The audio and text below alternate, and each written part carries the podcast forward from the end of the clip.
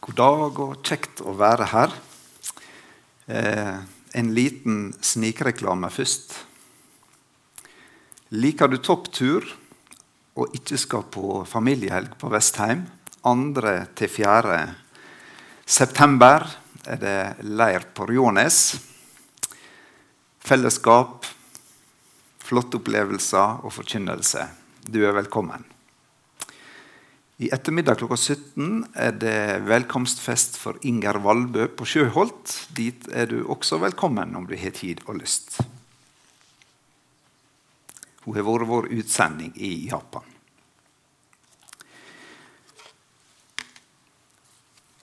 Jeg skal eh, si noe om dagens tekst, søndagens tekst, og en liten refleksjon først etter det jeg har arbeidet med. Én ting er å bli en kristen hvis det lønner seg, og bare er å vinne på det. Men hva om det koster veldig mye? Røveren på korset måtte jo ha et lett valg, der han hung og var tilbudt evig liv. Eh, fattige folk i verden som møter den kristne menighet gjennom misjon og hjelpearbeid, kan også få et forholdsvis lett valg. Et nytt liv, en ny start. Det er komplisert å hjelpe og ha kvalitet på misjonsarbeidet, slik at det varer. Misjonen har mange erfaringer med riskristne. Eller hva med den virkeligheten som veldig mange møter i verden, der det å være en kristen koster alt? Det er faktisk ikke få. Ville jeg, ville du være en kristen da?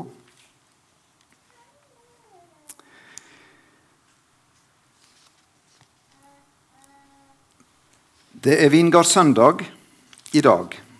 Et bilde Bibelen bruker veldig mye.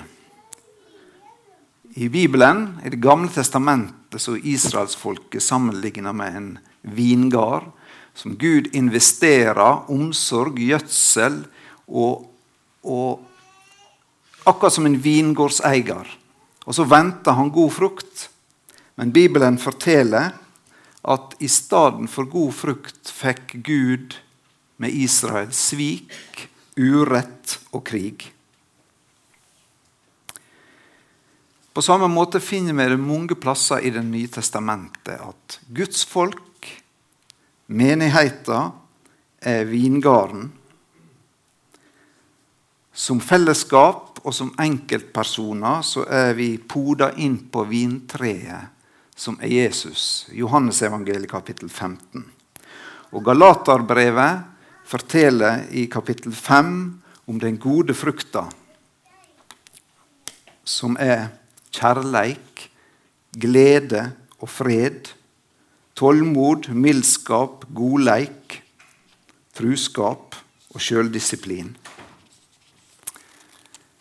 Vi er kalla som kristne til arbeid i vingardet vingardsarbeidere.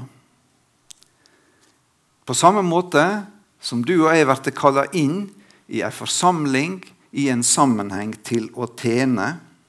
Kallet og ordren som Jesus ga, var å gjøre alle til mine, så de får del i min nåde og min frelse. Det er selve grunnlaget for Misjonssambandet. Kallet i nabolaget her, ja, også til endene av jorda. Skal vi forstå tekster i Bibelen så vi skal lese om litt, så må vi se litt på sammenhengen. Og Rett før dette avsnittet som vi snart leser, så står det i Matteus 19, 16 at det kom en mann til Jesus og spurte hva skal jeg gjøre så jeg kan få evig liv. Han hadde gjort dette båda, men Jesus sa til ham, 'Vil du være helhjerta?'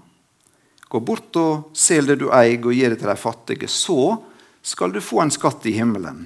Kom så og følg meg. Men da han hørte det, gikk han bort, for han eide mye. Vår tekst i dag må leses med denne bakgrunnen. Invitasjonen ifra Jesus til å komme og følge meg og bli en kristen. Det medfører en omvendelse fra å leve et liv for seg sjøl og til å leve et liv for Jesus. Med helt andre verdier og mål i livet enn ellers. Og Derfor så ble kallet til frelse for denne rike, unge mannen for radikalt og skremmende. Han gikk bort. For Den hellige ande hadde ikke åpenbara i hans hjerte at livet med Jesus og de verdiene er mye mer verdt enn et liv med alle andre ting uten Jesus. Derfor så sto læresveinene og så på denne unge mannen. Prektige, fromme, skikkelig. At han valgte et liv i samme spor, sjøl om Jesus sa 'Kom og følg meg'. Han vurderte ut fra si innsikt og verdisett og valgte etter Guds ord feil. Tragisk feil.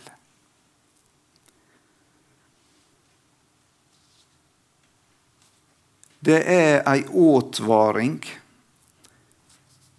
rett før teksten vår fra Jesus om å knytte sin framtid og sin mening med livet til rikdom, posisjon og ære.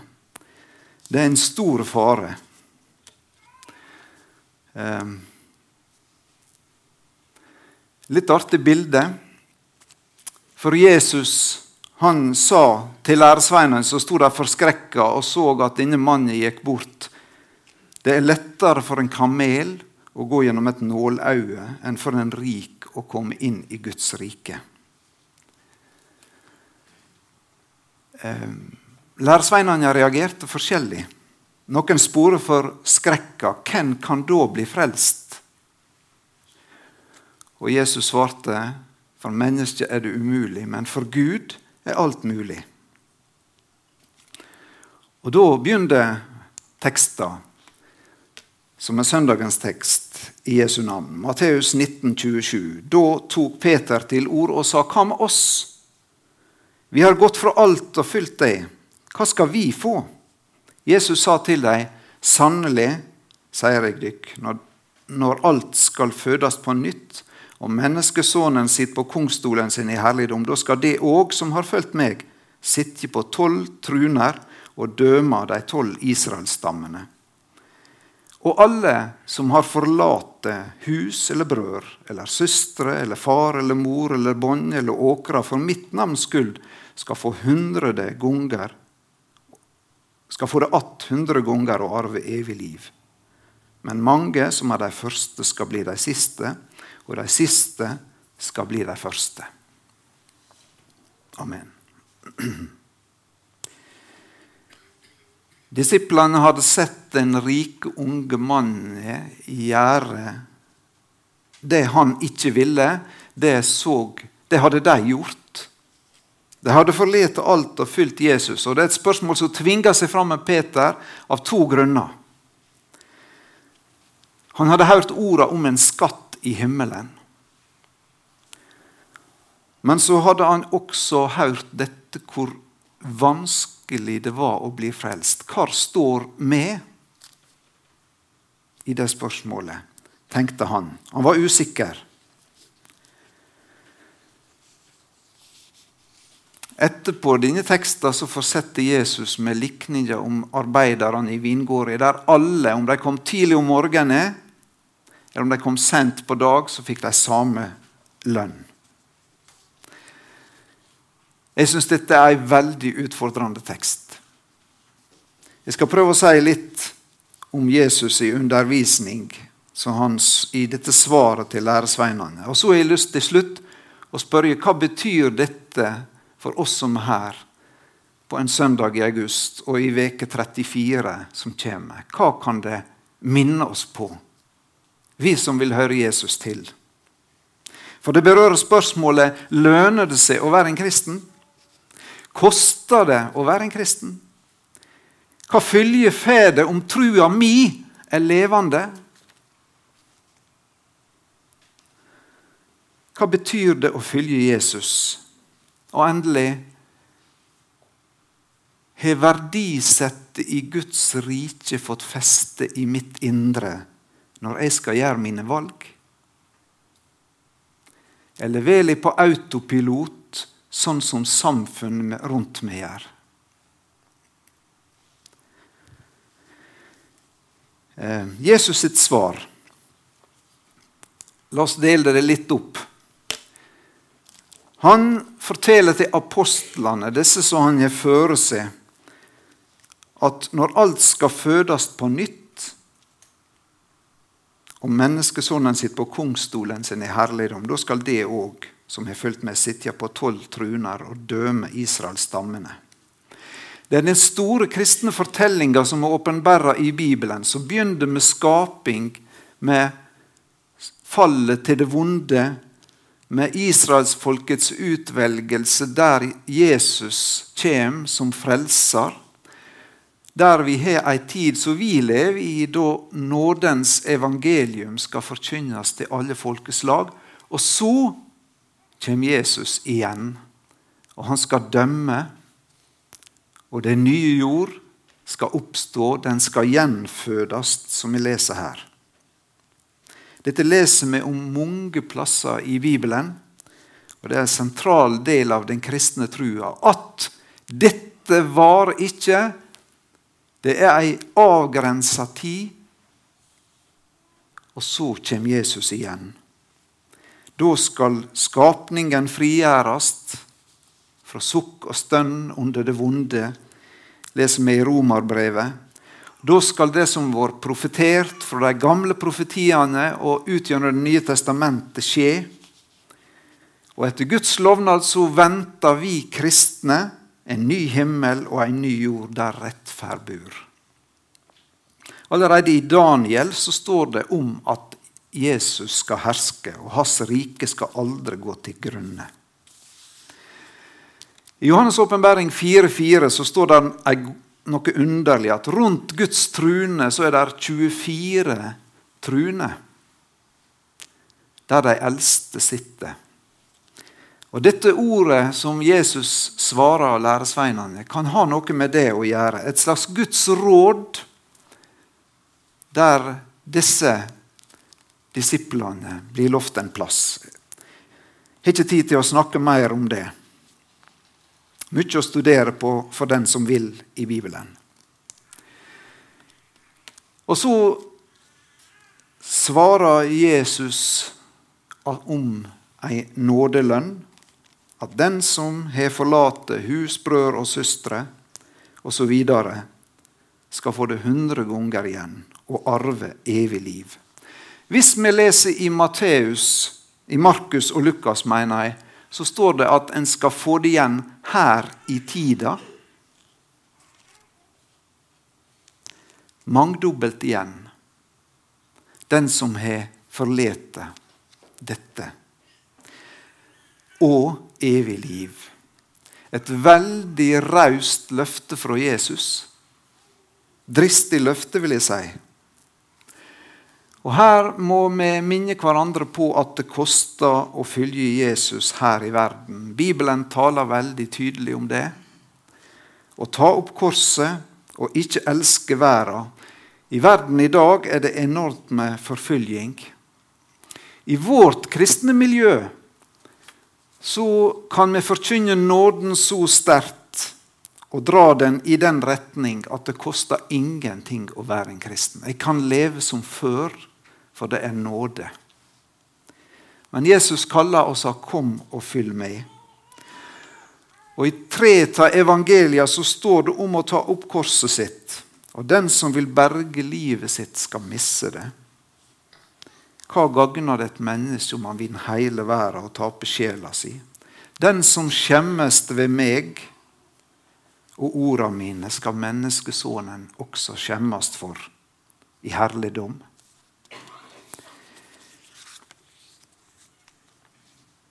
Dette her har ikke noe med å fortjene frelse å gjøre, men ei følge av å ha møtt Jesus og hans nåde. Eh,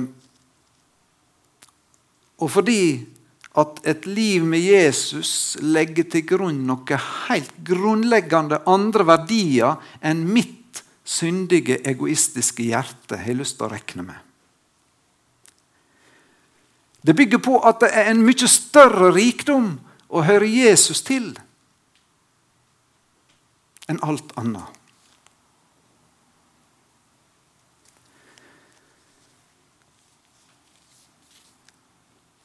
En parentes. På regionmøtet vi hadde vi ei i Norge som forteller at det koster veldig mye å bekjenne seg som en kristen. Han det bildet tar på denne bak meg her, Nabil Qurashi, han eh, møtte Jesus. Han var muslim. Han har skrevet bok og forteller at det kosta noe hele familien. Utstøtt. Et veldig sterkt vitnemål. 200 millioner kristne blir forfulgt verden over. I Tyrkia for eksempel, er du andreklasses borger om du er en kristen. Du blir diskriminert på alle vis i samfunnet. Kristne rømmer i stort tall fra Midtøsten i mange land. Myndighetene i Saudi-Arabia tillater ikke Bibelen en kristne symbol i landet. Kristne fremmedarbeidere som samles til bibelgrupper, risikerer arrestasjon, tortur og deportasjon, og i noen tilfeller dødsdom. Og her er vi. I trygge Ålesund. I våre liv. En veldig kontrast.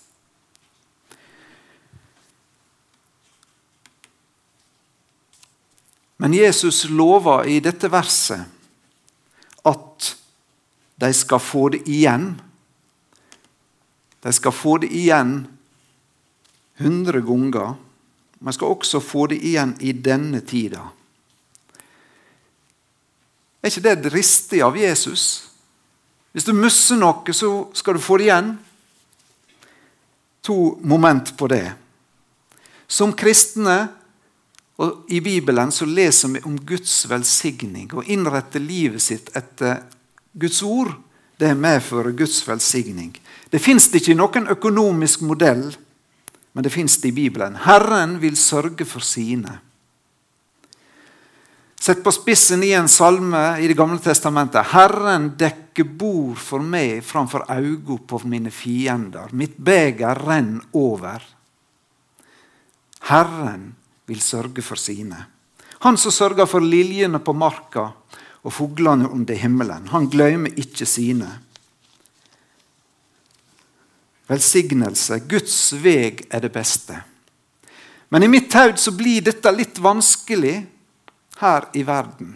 For jeg ser at mange kristne lider og taper alt.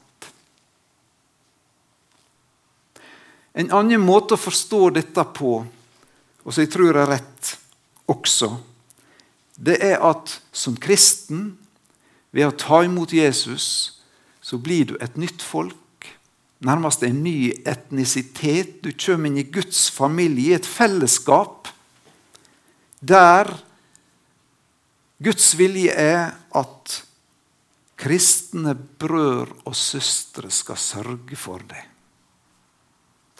Det setter en sånn forsamling som så dette inn i noe veldig forpliktende og meningsfullt. Vi går ikke i en forsamling på tilbudssida men vi går i en forsamling for å være med i Guds familie. Og de som lir i verden av kristne, de regner med oss. Det kristne fellesskapet bygger bru over sosiale, økonomiske og etniske skiljer. Når en føler Jesus, så får en en ny familie og venner overalt. 100 000 av brødre og søstre har jeg. Slå den. Og du. Og de som lir. Det er på den bakgrunn i 1. Johannes brev 3,17 står at den som har mer enn nok å leve av, og likevel lete at hjertet sitt for sin bror som lider nød, hvordan kan han ha Guds kjærleik i seg?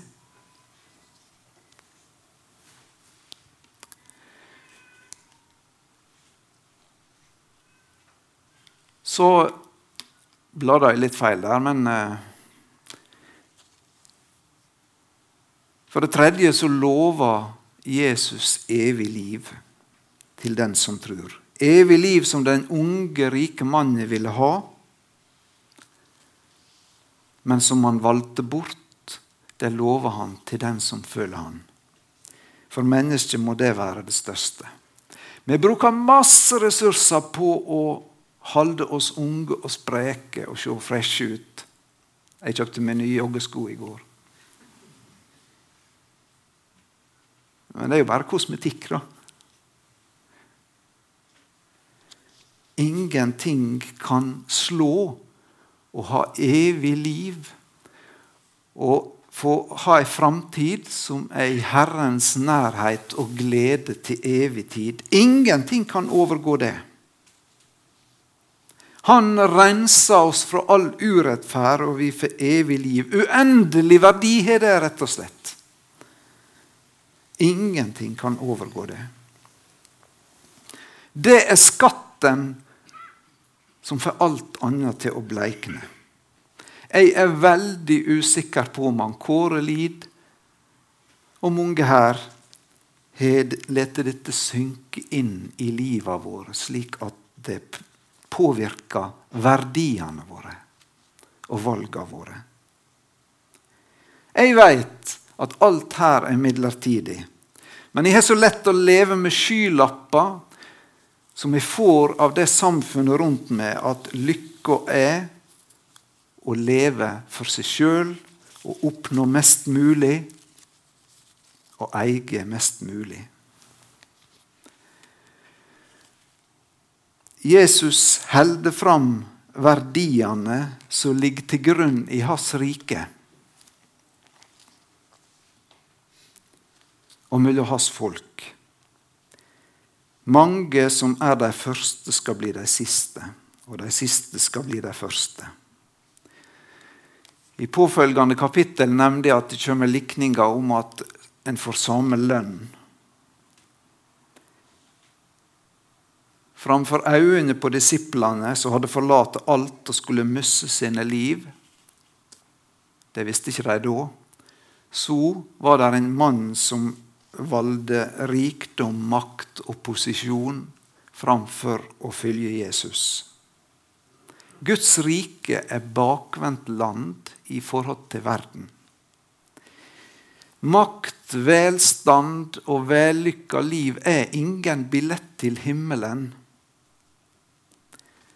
Sjøl om jeg så lett lette meg bestikke av den tanken.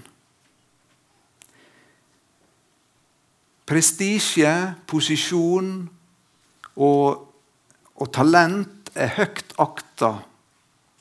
Og det er jo ikke noe galt med det. Men i Guds forsamling er det andre ting som har større verdi. I neste kapittel så krangler læresveinene om posisjonen der i det evige. De var like trege som Kåre Lid, kanskje.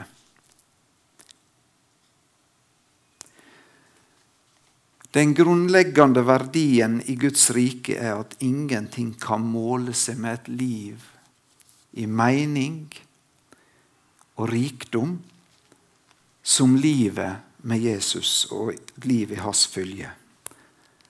Derfor så sier Bibelen søk først Guds rike, uansett hva det koster.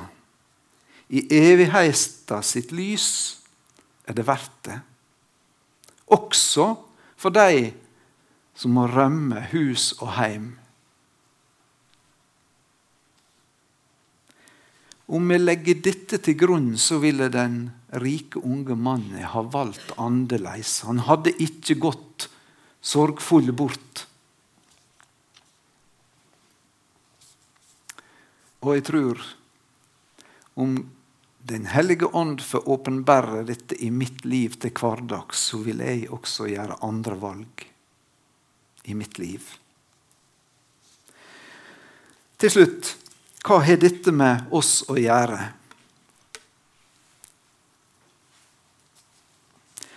La meg prøve å være litt konkret. Et ransakende spørsmål til meg og deg. Holder du og jeg fast i noe som har større verdi enn Jesus?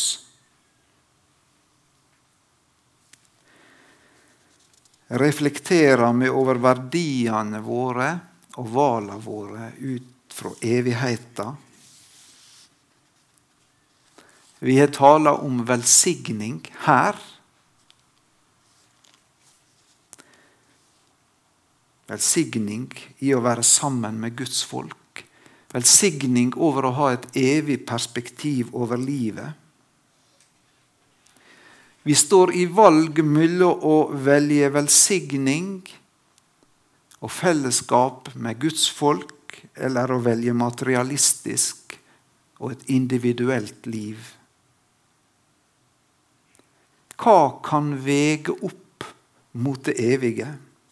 Vil du og jeg veksle vår livskapital i Guds rikes valuta?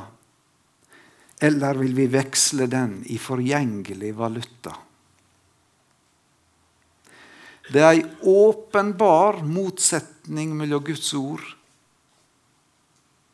og slik verden prioriterer. Hvordan kan vi som kristne hjelpe hverandre ut av den løgna og se det virkelige bildet i lys av Guds ord og sette sanne, evige verdier først?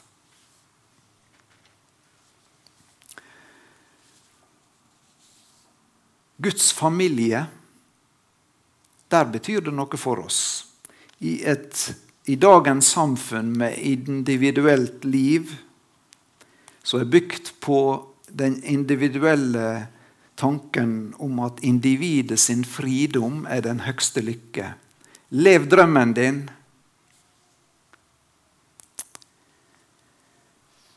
Et av Jesus sine løfter til de som var forfulgt, var at Gud vil sørge for dem og de skal få brødre og søstre i hopetall. Vi nevnte det frukta av Den hellige ånd, som var flere dyder og verdier som har betydning for hvordan det er mellom mennesker.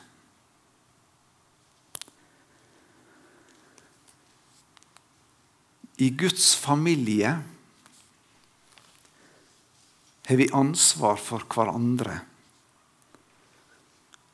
Og Det medfører å gjøre valg i hverdagen. Vi skal ikke bare leve for oss sjøl, men vi skal stille oss, vår eiendom og ressurser. Ja, vi eier jo ikke livet vårt sjøl heller. Vi skal være far og mor og søster og bror for hverandre. På vei mot det evige land. Og helt konkret, hvor kan vi hjelpe hverandre og båndene våre til å bli rause og dele, i stand for å samle og klatre? Hvor kan vi som kristne, som så lett legger vekt på posisjon, ære og makt, hjelpe hverandre til å løfte fruktene av Den hellige ånd fram i fellesskapene våre, og sette dem høyt? Fred, langmod, mildskap osv. Skal vi løfte dem opp og gi dem status? Kan vi utfordre hverandre i veke 34 og en søndag i august til at kommende veke vil jeg gjøre et lite offer fordi jeg er en kristen, for at andre skal få møte hans kjærleik. Kjære Jesus. Vi ber om at du må kalle oss til et liv sammen med deg. Skap i meg, i oss, et ønske og vilje og trang etter å velge deg først. Så må du opplyse mitt hjerte og våre hjerter med Den hellige ånd og skape i oss et verdisett som er ditt og ikke verdens. Og hjelp meg og oss til å velge rett i våre liv, til velsignelse for oss sjøl og for andre. Amen.